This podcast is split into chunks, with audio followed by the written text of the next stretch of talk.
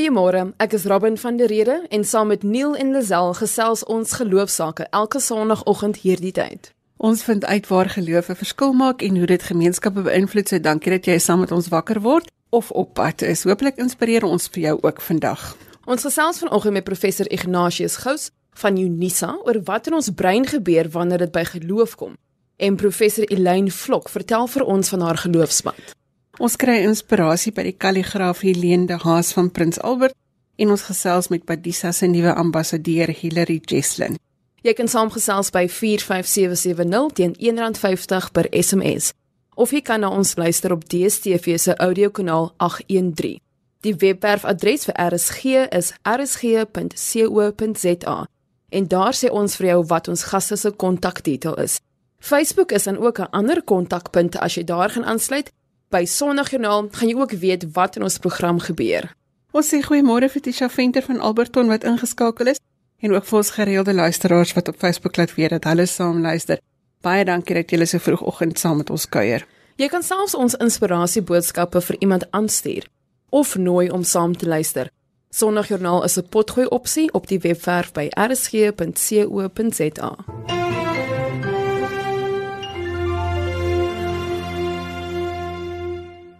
Professor Ignatius Gous is van die Universiteit van Suid-Afrika. Hy kuier hier by ons in die Kaap en ons gesels vanoggend oor die interessante onderwerp van die brein en hoe dit met geloof integreer. Goeiemôre professor. Hallo, hoe gaan dit met jou? Dit gaan met ons baie goed vandag en dit is baie lekker dat jy hier in die Kaap is. Ek is seker dit gaan goed met jou ook.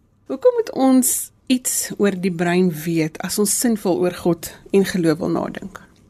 As 'n mens oor geloof nadink en veral as mens dit met die brein in verband bring, dan is 'n mens nou vierkantig in die wetenskap. En dis nou nie almal se koppie tee om oor wetenskap en geloof te dink nie. So as dit nie jou koppie tee is nie, dink ek moet jy nou gaan tee maak. Maar as jy jou koppie wil laat lees, dan kan ons nogal baie interessante dinge hieruit kry. Want as 'n mens dink oor geloof en oor wat die brein doen, dan is dit waar geloof eintlik werk en waar dit plaasvind. Maar dan moet ons net gou eers praat oor wat wetenskap en wat geloof is. Mens moet weet wetenskap, aangesien breinwetenskap is op sy eie, moet 'n mens weet dit is 'n spesifieke speelveld. Dit is iets wat 'n mens moet weet dek 'n spesifieke area van die werklikheid, maar die werklikheid is baie groter as wat die wetenskap is. En daarom moet ons weet wat kan 'n mens verwag van die wetenskap oor geloof? Jy weet die wetenskap kan nie vir 'n mens sê is sê maar ouerliefde werklik waar nie of is iets mooi nie of is God daar nie. Dit is buite die wetenskap se speelveld. Want die wetenskap het baie spesifieke reëls. En die wetenskap kan dus nie vir ons bewys of God daar is en hy kan ook nie sê dat hy nie daar is nie. Ons moet met ander woorde na ander dinge kyk en as mens dan na die brein kyk, dan kan 'n mens sê nou maar goed, nou gaan dit nie oor waar of vals nie, maar dit gaan oor waardevol. Is dit iets wat ek kan verstaan en as ek dit beter verstaan hoe my kop werk wanneer ek oor geloof dink, hoe kan ek dit beter maak dat dit vir my beter werk? Wat sê hierdie verstaan wetenskap as ek dit so in aanhalings kan sit? oor hoe ons oor God moet dink. Ons begin eers daar. Nou goed. Die eerste ding is in ons koppe is daar sekere dinge wat ons mee gebore word. Veral as ons dink oor wat daar is. Die mense wat nou 'n groot woord daarvoor soek praat van oor die ontologie wat bestaan. Jy weet in ons word gebore met die feit dat daar 5 dinge is wat in die wêreld bestaan. Daar's persone of mense, daar's diere, daar is plante, Daar is natuurlike dinge soos berge en klippe en so aan en dan is daar dinge wat 'n mens maak. So dit is objekte wat gemaak is. Nou dit is die goeders wat ons aanvaar wat daar is en dit is in die natuurlike wêreld daar. Elkeen van hierdie goeders het 3 aspekte. Hulle kan of dink of nie dink nie. Hulle is of lewendig of hulle is nie lewendig nie en hulle is fisies of hulle is nie fisies nie.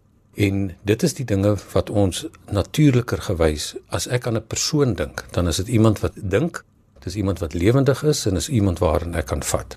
Maar nou as 'n mens oor geloofsmatige dinge dink, dan word een van hierdie goedjies gewoonlik weggeneem of verander of bygevoeg. En daarom as 'n mens oor God dink, dan is dit nog steeds iemand wat daar is, iemand wat lewendig is, maar hy of sy is nie fisies tasbaar nie.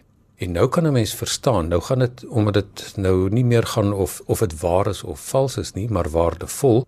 Nou beteken dit hoe dink ek oor iemand soos God? En aan die ander kant sê net maar 'n mens stap in 'n tempel iewers in en jy sien 'n beeld daar sit, dan beteken dit dit is iets wat 'n mens gemaak het. Hy's fisies, maar hy's nie lewendig nie. Maar hulle gee aan daardie beeld asof daar iets lewendigs aan is wat vir my iets kan sê. So ons verstaan nou hoe mense se koppe werk as hulle gelowige goeters of geloofsmatig dink. En nou kan 'n mens sê, nou maar goed, hoe kan ek dit gebruik om vir my dit waardevol te maak? So, hoe kan ons dit gebruik dat ons God beter kan verstaan vandag? Nou goed, as 'n mens weet hy is soos 'n persoon, maar hy's nie fisies en tasbaar nie en hy het 'n plan met my, dan weet ek 'n paar goeters. As ek my na my godsbeeld kyk, dan moet ek weet dit is beïnvloed deur ander fisiese mense wat rondom my is. Met ander woorde, hoe my pa en my ma opgetree het, hoe 'n gesagsfiguur by die skool of by die kerk was, dit het 'n geweldige groot invloed oor hoe ek oor God dink. En dan beteken dit nou kan ek verstaan is die God wat in my kop is, die beeld wat ek van hom het. Is dit iemand wat vriendelik is of is dit iemand wat kwaai is? Is dit iemand wat daar is of is dit iemand wat ver is? Is dit iemand wat heeltyd op my spoor loop om te kyk wat ek reg of verkeerd gedoen het of is dit iemand wat vir my ondersteun maak nie saak wat gebeur nie. En dit is 'n baie groot insig om te verstaan hoe 'n mens oor God dink. Maar dit bring ook 'n ander ding mee, is dat ons wat tipe van die verteenwoordigers is of die verteenwoordigers van God wat instaan omdat hy nie fisies is nie, het 'n verskriklike groot rol en 'n verantwoordelikheid om te speel. Want jy weet daar is soveel mense wat in daai posisie is wat verkeerde dinge doen of wat slegte dinge met ander mense doen wat hulle misbruik al sê hulle hulle is hierdie geweldige gelowige mense dan beteken dit jy weet ons doen eintlik 'n groot klomp kwaad as 'n mens op die manier optree. Professor, is daar voorbeelde hiervan in die Bybel? Die Bybel is vol van maniere hoe mense vir God gesien het. En daar is ook groot verskille, maar binne in die geloof en ook tussen gelowe. Nou as mens byvoorbeeld na een teks kyk, sê maar soos Genesis Nou Genesis 1 is 'n baie interessante teks in die sin dat dit geskryf is na die val van Jerusalem waar mense al hulle sinsbakens verloor het. Alles wat vir hulle belangrik was, hulle tempel, hulle stad, hulle koning, hulle voorspelbaarheid van die lewe is weggeneem en hulle is toe nou weggevoer na Babelonie toe en daar het hulle te doen gekry met die skepingsverhaal van die Babiloniërs waar die skepping plaasgevind het as gevolg van 'n stryd tussen 'n uh, moedergod en die seungod. En toe die mense van daai tyd begin dink die Israeliete het hulle begin dink maar God, hulle God is oorwin deur die Babiloniese god. En hulle het gedink nou maar dan moet ons nou seker maar daai god aanvaar, maar die priesters het toe gesê nee maar wag, ons kan anders hieroor dink. God is nie gekoppel aan die dinge wat ons sinsbakens nie. En Kom ons beskryf vir julle eintlik hoe dit gebeur het en dit is hoekom dit 'n baie geordende manier is. Vir die eerste dag is daar lig geskep, die vierde dag is die ligdraers geskep, die tweede dag is die water bo en onder geskep, die vyfde dag is die visse en die voëls, dis die bewoners geskep op die derde dag is die grond geskep en die plante en op die sesde dag is die bewoners van die grond en die eters van die plante geskep, naamlik diere en mense. En op die sewende dag was daar rus. Met ander woorde, daar is vir hulle gesorg sonder dat hulle hoef iets te gedoen het. Terwyl in die ander skepingsverhaal moes die mense heeltyd aan die gode offers bring om hulle rustig te hou sodat hulle nou nie weer in 'n groot geveg te slaags raak nie. En hierdie is dus 'n manier om te sê nee, maar wag net so 'n bietjie. As mens kyk na God, wat is sy rol in my lewe?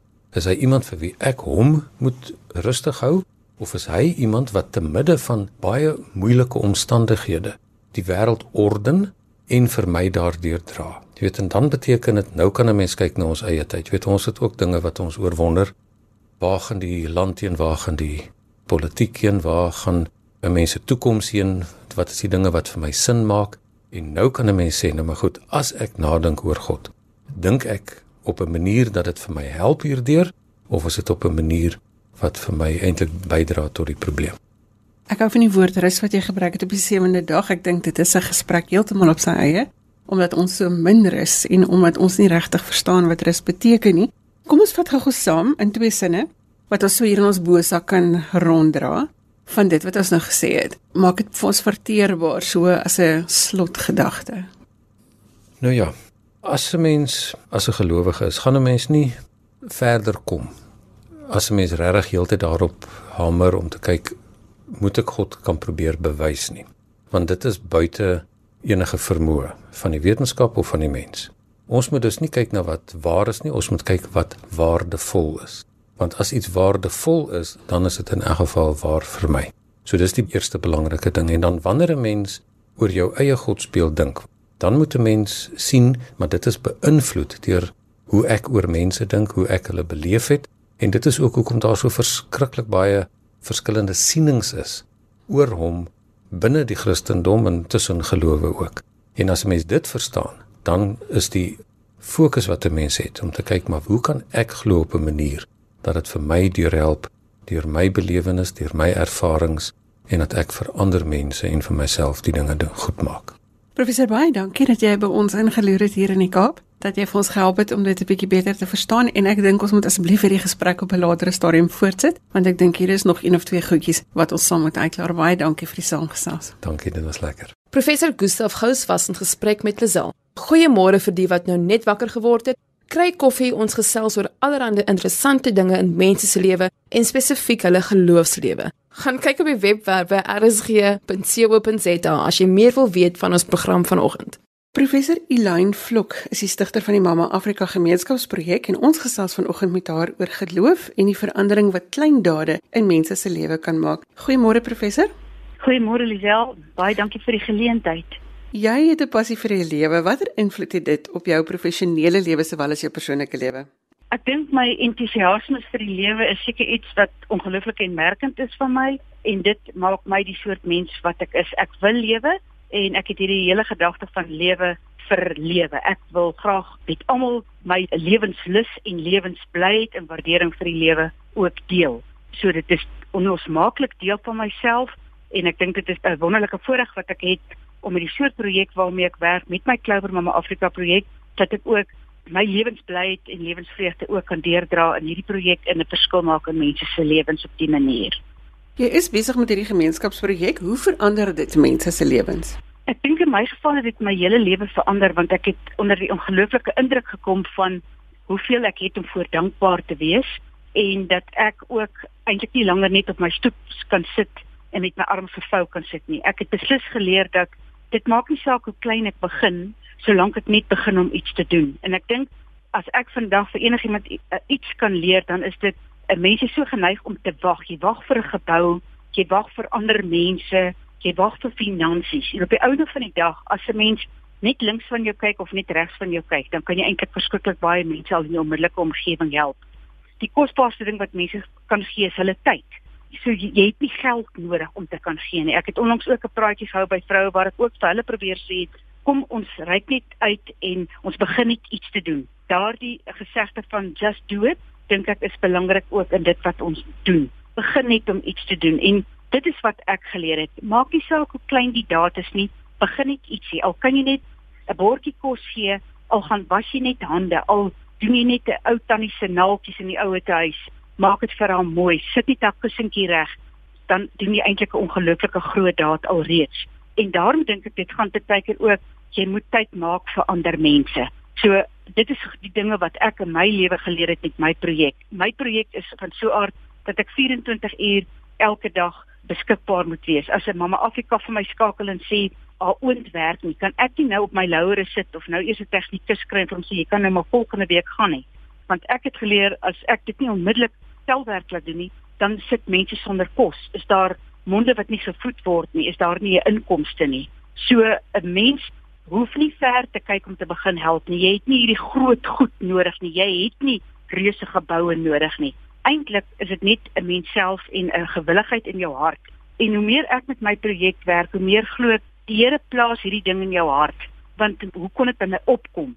As ek by Mama Afrika instap, kan ek met een oogopslag sien waar daar behoefte is of waar ek iets kan verbeter waar ek iets kan aanvul. En daarom glo ek daar is 'n hoër hand wat my lei om betrokke te geraak het eerstens by hierdie projek, maar ook om steeds elke dag te kan sien waar kan ek iets verbeter? Waar kan ek meer doen en waar kan ek dinge dalk anders doen om beter te werk? So ek het regtig geleer dat begin klein, begin net iets te doen. en moenie wag tot môre nie. Begin dadelik. En soos ek ook sê, ons hoef nie ver te gaan stap om te kyk nie, want baie keer is daar onmiddellike nood by ons bure, maar ons weet dit nie. Die mense oor kan die straat of laer af in die straat en ons moet dalk net 'n bietjie uitreik na dit. So wat ek ook geleer het is ryk uit in terme van gee iemand 'n handdruk, gee iemand net 'n drukkie. My mamma Afrika floreer op iemand wat net vir hulle sê baie dankie, want niemand in hulle gemeenskappe sê ooit baie dankie of sê julle het goed gedoen nie. En dit is wat ons almal wil hoor. Maak nie saak hoe oud ons is, ons wil net graag hoor ons beteken nog iets, ons het iets goeds gedoen. Elaine, watse rol speel geloof in jou lewe? Jy het nou verwys dan dat die Heilige Gees jou ja. kom half kom ja. inspireer. Watter rol speel ja. geloof in jou lewe? ek dink ek kan nie my indink dat ek sonder my geloof kan wees nie. Ek is so dankbaar dat ek kan sê ek is 'n kind van die Here en ek kan eerlikwaar sê ek werk elke dag asof ek môre na die hemel toe kan gaan. Die Here kan my nou op 'n wolkie kom haal en ek sal reg wees. Ek wil graag glo dat ek is sy kind. Ek weet dit in my hele hart en ek probeer dit ook uitleef. Ek is nie dweeterig nie, maar as jy vir my vra vandag dan sal ek jou sê ek glo. Ek weet waarheen is my eindbestemming en ook is die wonderlike dat die Here my ook lei dat wanneer ek 'n persoon aanstel, beloof ek vir elke klouwer mamma Afrika van my is 'n gelowige. Ons kan saam sing, ons kan saam bid en dit is wat die projek wonderlik maak dat ek met hierdie ander vroue almal saam ons sing in verskillende tale, maar uiteindelik het ons almal daardie een wonderlike persoon op wie ons opsien en wat ons weet hy is die redder. My geloof en my hoop is in my redder alleen. So ek sal my nie my werk kan doen as ek nie geglo het nie en ek glo nie my mamma Afrikas kan hierdie mense wat hulle van die straat af kry, verwaarloosde kinders, weggooi kinders, gehawende kinders, vigswesies kry en daai werk doen as jy nie glo nie. So ek wil absoluut sê dat sonder geloof sou ek nooit my werk kon gedoen het nie. Ek dink nie ek sal kan werk of enigstens opereer as ek nie glo nie, want in alles wat ek doen, is ek omring met ek weet in lewe ek 'n lewe van dankbaarheid. My Here is daar, hy's voor my, langs my, agter my. Hy is net daar, hy hou my veilig op elke oomblik en hy het my al soveel geleenthede gegee. Ek is self deur ek het my hele familie verloor. Ek het self deur ongelooflike siektes in die groot K en tog is ek nog steeds hier en dit is sy wil. En ek glo my mamma Afrikas, hulle bid vir my, hulle dra my op op in gebed en ek glo dit alles is dinge wat my sterker maak om steeds die werk te kan doen wat ek doen. Maar sonder geloof kan ek nie, wil ek nie en ek sou enigiemand aanvat wat iets van my geloof wil sê want ek dink geloof maak my die mens wat ek is en ek is dankbaar vandag vir waar ek is, vir wat ek kan doen, hoe ek dinge kan doen en dat ek goed genoeg geag word om met hierdie wonderlike vroue te kan werk. Elaine, iewers moet daar seker 'n inspirerende storie wees van een van hierdie vroue waar geloof 'n verskil gemaak het. Is daar so iets wat jy met ons kan deel? Kyk, al my mamma Afrikas glo en ek dink dit is eintlik wonderlik as hulle begin praat en iewers in die stadium waar hulle in 'n gesprek is, sal hulle sê ek kan nie iets doen sonder my hemelse Vader nie. Jy weet, en die Here hou my vas. So, soos dit byvoorbeeld as ek dink my een mamma Afrika wat oorlede is, sy is in hartaanval oorlede, 'n mamma Lina Maleleke wat vir ons altyd gesê het women our hands are like gold. Jou vrou se hande is soos goud, want sy kan sy soveel sydig, sy kan soveel dinge doen.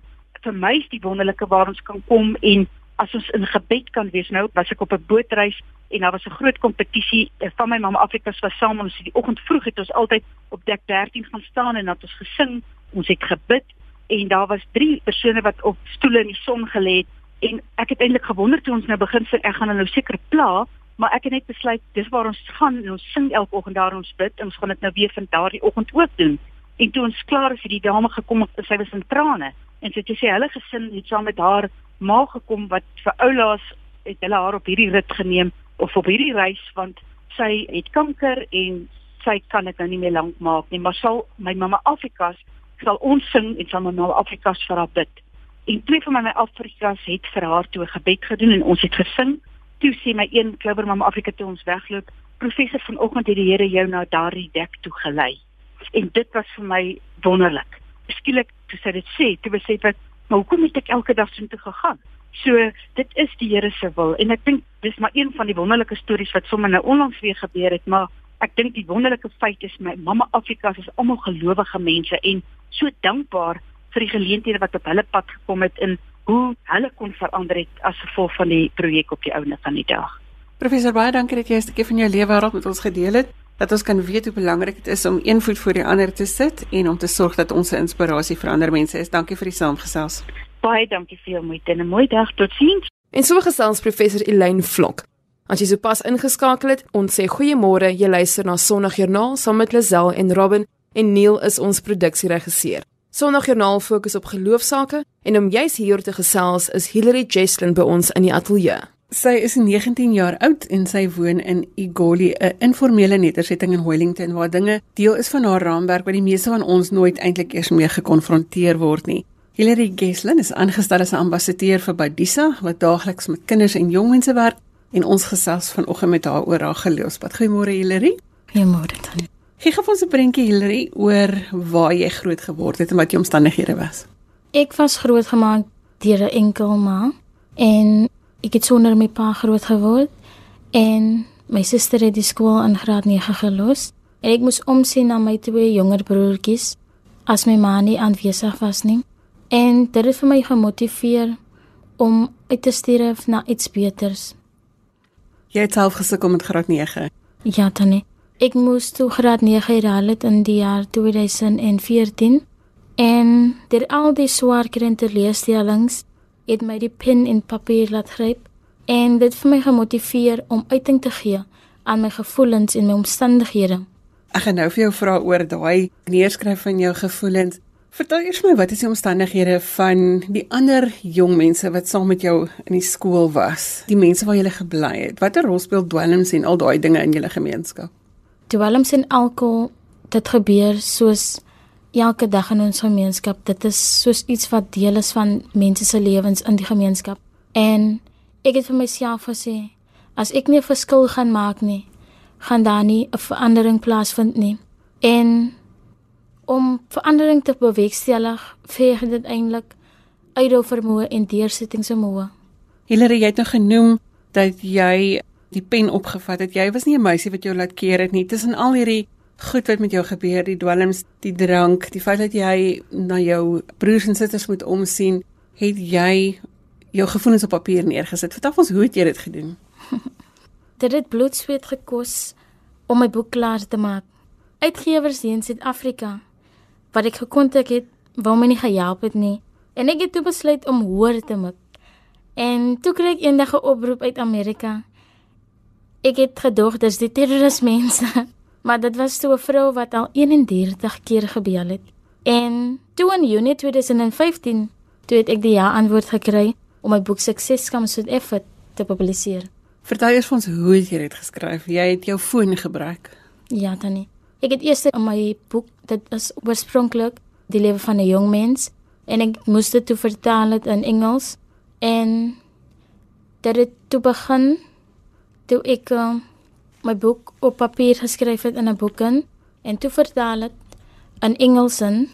Hoekom het jy die goed neergeskryf? Het dit jou gehelp om jou gevoelens te verwerk? Ja, Tannie, dit het my baie gehelp. Dit help altyd as 'n mens dit wat binne in jou gebeur kan verwoord, nê? Nee. Ja, Tannie. Nou sê vir my, jy is nou aangestel as 'n ambassadeur by Badisa. Wat gaan dit behels? Om waar dan mense se lewens toe te voeg en om nie mense te klassifiseer vir wat hulle is nie maar om eerder die potensiaal raak te sien van wat hulle kan wees. En dit is belangrik om elke mens met die houding dat jy iets by hom of haar kan leer te benader. Dit wils leer 'n mens die kosbaarste lesse by die onwaarskynlikste mense. En dit is ook belangrik om mense beter te behandel as wat hulle jou behandel. En om nie na mense te kyk soos wat hulle is nie, maar om eerder die potensiaal raak te sien Maar waar jy ook al met mense te doen het, maak nie saak wie wat hulle is nie of hulle beroep is nie. Leef jou mensvaardighede uit. En dit is belangrik om nie jouself met ander mense te vergelyk nie. Wees jouself en soek jou doel en jou waarde by God. En vir my is dit net elke persoon wat in die lewe gebring word, verteenwoordig iets nuuts. Iets wat nog nooit van tevore bestaan het nie.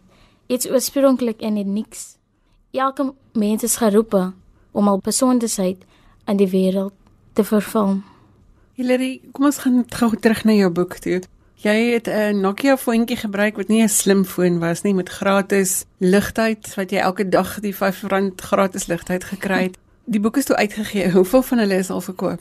Daar is 12 miljoen kopieë net alleen in Amerika verkoop, maar die boek is beskikbaar oor 36000 online retailers en baie ander. Sê weer hoeveel miljoen kopieë? 12 miljoen. 12 miljoen kopieë ja, van jou boek, jy's 19, het in Amerika verkoop. Wat is die storie wat jy in jou boek vertel het?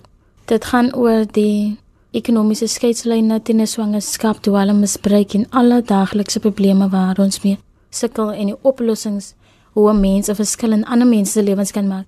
Van ons kan nie net agteroor sit en wag vir die president om met antwoorde en oplossings te kom nie. Ons moet opstaan vir dit wat ons wil hê in ons gemeenskap. Jou maats wat saam met jou skool gegaan het, wat saam met jou in dieselfde omgewing bly, luister hulle na jou? Ja, dan nie. Luister hulle na jou raad? Ja, dan nie. En hoe kry jy dit reg om 'n verandering in jou gemeenskap te maak? Om eerder die positiewe kant te sien as wat ek die negatiewe kant gaan raak sien van my gemeenskap. Wat is jou toekomsdrome? My toekomsdrome is ek wil opstaan vir mense ongeag ras of geslag. Ek wil opstaan vir mense se regte. En hoe gaan jy dit regkry? Deur mense te benader wat my visie kan ondersteun. Jy is ook nou besig om 'n draaiboek te skryf. Vertel van Stefan. Die draaiboek gaan oor my gemeenskap en hoe dit vir my hoe dit gekom het dat ek so positief is Maar dit is nie altyd maklik nie, maar dit vee baie deursettings vermoë. Wie was jou grootste ondersteuning in die lewe? Waar het jy die meeste ondersteuning gekry? My meeste ondersteuning wat ek gekry het is van my tannie, Enzeline Teraski, en my ma. Watter verskil maak geloof in jou lewe, Hilary? Geloof maak 'n baie groot verskil om nie op jou eie krag te staan te maak nie, maar op God se krag. Want as dit nie vir God was nie, was alles te vergeefs. Het jy sonneskool toe gegaan? Het jy kerk toe gegaan en sonneskool toe gegaan in die ja, nee. Wat se kerk wou? Dit is Beacon of Light. En wat sê die mense van jou 12 miljoen boeke wat al verkoop het? Baie mense sien my raak as 'n rolmodel en ek dink 'n mens moet baie dink ook dat jy 'n rol om te speel in ander mense se lewens en om mense te motiveer om uit te styg bo alle omstandighede. Hilary baie dankie dat jy vanoggend so 'n stukkie van jou lewe met ons gedeel het. baie dankie vir die geleentheid. En so gesels Hilary Jesslyn baie mooi uitgevat in haar silwer rok. Ons het 'n foto van haar op Facebook gelaai. Hilary Jesslyn van Wellington is die nuwe ambassadeur vir Bedisa. Ons gesels geloofsaake tot kort voor 8uur wanneer ons oorgie vir die 8uur nuus. Maar om mee af te sluit, gesels ons met 'n kunstenaar wat woorde op klippe laat uitkap. In die Prins Albert distrik is daar 'n plaas waar die letters op die klippe vir mense inspirasie gee. Helene de Haas en haar man Karel woon op Aswater En ons gesels vanoggend met Elene oor haar geloofspad en hoe sy die kuns van kalligrafie gebruik om ook op die plaas haar geloof uit te leef. Goeiemôre Elene. Môre Lisel. Elene, jy's 'n bekende kalligrafie kunstenaar. Hoe het jy besluit om hierdie kunsvorm te kies?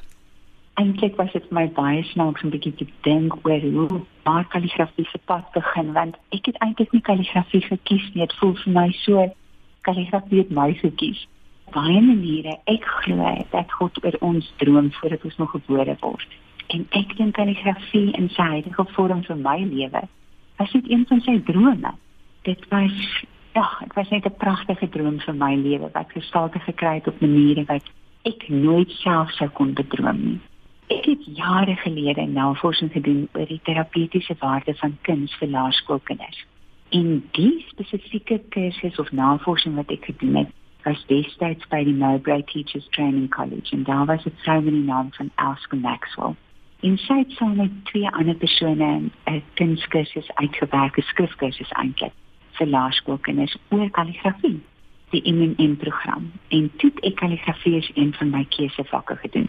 Dan het ek kalligrafie formele skrif. Dit was italic of gothic of uncial, iets van daardie wat jy sou doen wat in die ou Bybels voorkom en ek was nie geseënd om in 'n tydperk kalligrafie te betree wat hy heeltemal 'n herlewing beleef het wat hy gaan van kunstvleitvorm tot 'n kunsvorm waar hy nou uitgestal word internasionaal in gallerye vir kalligrafie uitgestal en in daai tyd het ek begin agterkom maar ek het 'n passie vir kalligrafie. Ek het nog was nog altyd dit maar ek het 'n passie vir kalligrafie en kreatiwiteit ontwikkeling in mense en skrif En as God dan vir ons eers van homself vertel ek is 'n skepper, dan is elkeen van ons mos skepend, maar ons glo dit nie. So my passie was om deur middel van letters eintlik vir mense weer hulle kreatiwiteit te laat ontdek en die woord te mekaar ontdek en agter te kom maar hoe kosbaar is God se woord as ons dit net op 'n ander manier uitbeeld. So kalligrafie vir my is eintlik lyne wat praat en lyne wat eintlik 'n lofsang is en om dit te kan doen met ons iets wat ons sigbaar maak. Nou dit klink verskriklik esoteries, maar 'n voorbeeld daarvan sou wees ek het 'n liefde vir God in my hart. Ek het hierdie woord in my hart. En ek sou byvoorbeeld 'n woord soos Tehillah neem. Wat beteken ek het nou onlangs gelees in Engels sê hulle it is a spontaneous song of the heart. Nou as ek in kalligrafie my hartslied sigbaar wil maak, dan moet ek eers weet wat is daai hartslied. So ek gaan nie dit noodwendig in 'n Italiese skrif of 'n unsiaal of 'n gotiese skrif kan uitbeeld nie. Want dit is mos nou my eie taal. So ek gaan sit en dan kyk ek nou hoe voel ek oor iets in my lewe en ek skryf of nie dit dit is nie noodwendig eers woorde nie en uit daai bewegings uit ontdek ek dan wat my eie alfabet is en dit is miskien ons liewe klasie maar ek ontdek wat my eie alfabet is so kalligrafie as ek dink daaraan is eintlik 'n kunsvorm wat nie noodwendig teken is nie maar wat lyne is wat betekenis oordra. En daai betekenis is in baie gevalle en hopelik in in my geval altyd dit, dit moet 'n lofsang aan God wees. Dit moet iets wees wat God verheerlik. En as ek dan dink aan kalligrafie en kom ek lief is vir kalligrafie en waar dit vandaan kom, is dit nie noodwendig die skryf daarvan nie. Dis die hart wat dit onder lê. Dis amper as ek net net 'n skrif sou skryf, dan sit jy staan wit gepleisterde grafsteen dit lyk mooi en dit beïndruk almal.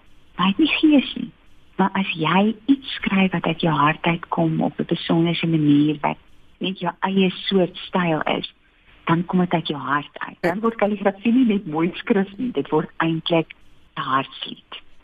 Jy het nou geleentheid gehad om hierdie hartslied of hierdie lyne waaraan jy lewe gee, dan nou ook op Aswater, die plaas waar jy nou woon uiting te gee. Dis 'n plek waar mense bietjie tot rus kan kom. Wat was jou visie vir die omgewing waar jy bly? Dit was eintlik toe ek en Karel die plaas koop, was een van die eerste dinge wat ons mekaar sê. Ons wil graag 'n plek skep waar mense God se teenwoordigheid kan beleef. Want dit is net so pragtig hier. Dit ja, dit is vol berge en riviere en bome. Sodat mense God se liefdesbriewe in die mooi kan raak sien. Maar met die tyd het dit nou eintlik op 'n ander manier ook ontwikkel en dit is nou gebedsroetes gevestig op die plaas. So die een gebeds, daar's nou vier op die oomblik. Die een gebedsroete is ingerig om net te verstaan wat Jesus kom doen het en dat hy vir jou kom genees het. So die een roete wat ons het is daar oral teen boomstamme, nie maar baie onopsigtelik sy woordbeloftes en sy liefdesbriewe sy liefdeswoorde so neergeskryf so teen die boom se stamme. So dan kan mens deur hom loop. Die ander een ander roete wat ons het is 'n roete wat nou spesifiek gaan oor hoe Jesus uitgebeeld word in Bybelse feeste. En dis 'n landkunsroete. So daar's niks geskryf nie. Dis net landkuns wat uitbeeld wie Jesus is, soos dit in die verskillende positiewe uitgebeeld word, dat hy ons manna is, dat hy die bloed is, dat hy die enigste opgestaan het, dat hy die Heilige Gees vir ons gestuur het, dat hy die enigste wat die lewensboek skryf, dat hy die enigste wat ons herinner ons lewe hier is net 'n tent, dis nie ons moet lewe vir dit wat kom. En die derde roete is dan die kliproete. En die kliproete is al al die name van of nie al nie, maar van die name van God is dan uitgebytel met die hand op klip. En daai klip is of deur Karel self uitgewykel of deur Lyn Baramwe Makakele. Hy's een van my vriende. Wonderlike kunstenaar baie lief Jesus maar die meeste van die kliproete daar is eintlik deur Lyn uitgekryf en dit is die name van God en, en dan wat dit beteken wat daar uitgebeeld word so terwyl jy stap kan jy by elke klip van sit. En dink wie is God vir my? Sê daar is kliproetes die visie daar van die hele plaas is eintlik om om nooit weer God se stem te hoor want jy selfs word nog ek kom net agter die lewe is nogal gejaag en ons word nie meer stil. En die woord kry effens ander betekenis as 'n mens dit nie net gewone swart en wit op papier sien nie, nê? Nee. Totaal anders, totaal anders. En jy dink ook daaroor want ek sien nie net wenig vir wat dit beteken nie. So jy kan verby die land kan stap en sê, "O, dit is mooi."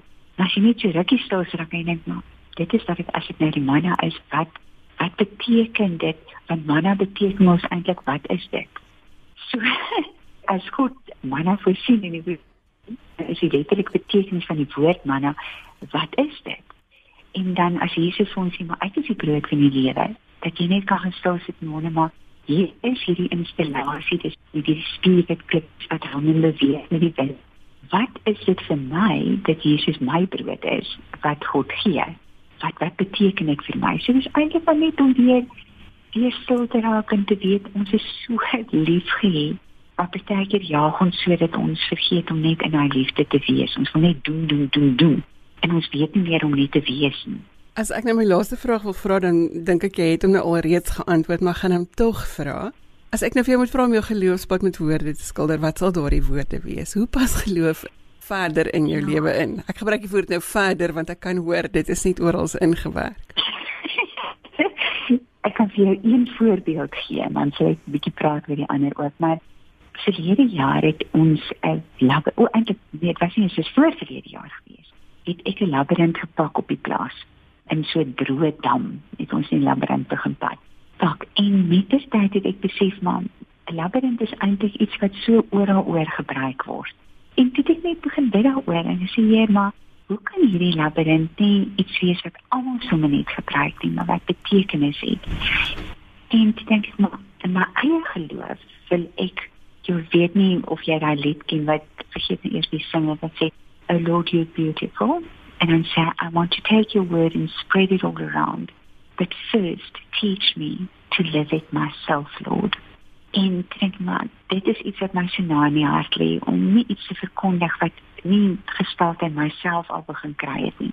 En dink maar, as ek 'n labirint moet stap, wat is dit eintlik? Sien maar, dis om die woord te stap, as die woord te land vir ons voet is. Hoe stap ek dan uit die woord? En maar die letterlikste manier is sekerlik om die woorde uit te pak. En tipe se woordlabirint uitgepak en wat sê Yeshua is die alfa en omega? En toe besef ek ook maar Jesus sê ek is die begin en die einde. Met ander woorde ek sê net die begin aan die linkerkant en die einde aan die regterkant nie. Waar ek begin is waar ek eindig ook. So dit is van ewigheid wat ek uitbeeld en hoe beter om 'n labirint dan uit te pak is dit en te dink maar hier pak ek die labirint uit maar iets in die fisiese is mos ook iets wat nie geestelike gebeur het soos wat elke een mag stap en soos wat ek my eie geloofslewe stap, wil ek die woord stap wat Jesus is. En of dit die woord is soos wat dit in die Bybel so mooi vir ons geleer word en of dit die woord is soos wat dit in ons individueel gestel kry en of dit is deur my wat iets uitpak of met hulp iets ek ek kon sê maar baie hulp het my help. Maar dankie Here vir hulle ook um, en of dit iets is wat ek vir studente leer om net die woordgestalte te laat kry op hulle eie manier. Vir my is dit geloof, 'n geloof wat lewe, waar die woord nie net iets is wat jy lees maar iets wat jy begin leef en wat jou asem raak. Daai Heilige Gees asem wanneer die Heilige Gees net so oor ons kom plaas en ons kreatiwiteit wakker maak. En of dit deur woorde is soos jy wat vra, vra die regte soort vrae of dit hier my is wat skryf of dit iemand is wat teken of iemand wat sing of iemand wat net 'n oor het wat luister. Met die kreatiwiteit van God kry gestalte en ons geloof word lewende getuienis vir ander wat Jesus leef. So vir my is kalligrafie in die klas en woorde eintlik maar 'n manier om 'n God wat onsigbaar is sigbaar te maak vir mense op watter manier hy ook al my die gawe en die seëning gee om te doen. So moet ons elkeen ons eie manier vind om dit wat onsigbaar is sigbaar te maak. Helene, baie dankie vir die saamgesels vanoggend. Dit was 'n voorreg en mag die woorde vir elkeen op tot seën wees. Dankie Lisel. En so gesels Helene Daas. Gaan loer gerus op die internet by die Letterhuis as jy wil sien wat hulle alles daar in Prins Albert se omgewing doen. Ek herhaal dit net weer, dit is die Letterhuis. En daarmee het ons aan die einde gekom van vanoggend se program. Laat RSG jou geselskap hou vir die res van die dag en ons hoop om jou volgende Sondag weer voor die radio te kry. Van my, Robin van der Rede, totsiens. My e-posadres is lazel@wwmedia.co.za en jy is welkom om te e-pos met kommentaar of as jy 'n geloostorie met ons deel. Ek herhaal net gou weer, dit is lazel@wwmedia.co.za. Tot volgende week groet ek namens produksieregisseur Neil Roo en ons hele span by Sondagjoernaal, Rian Tolken, Tandukasi Ramokele en Shane Lucas. Onthou, maak 'n punt daarvan om uit te reik en vandag iemand se dag makliker te maak. Totsiens.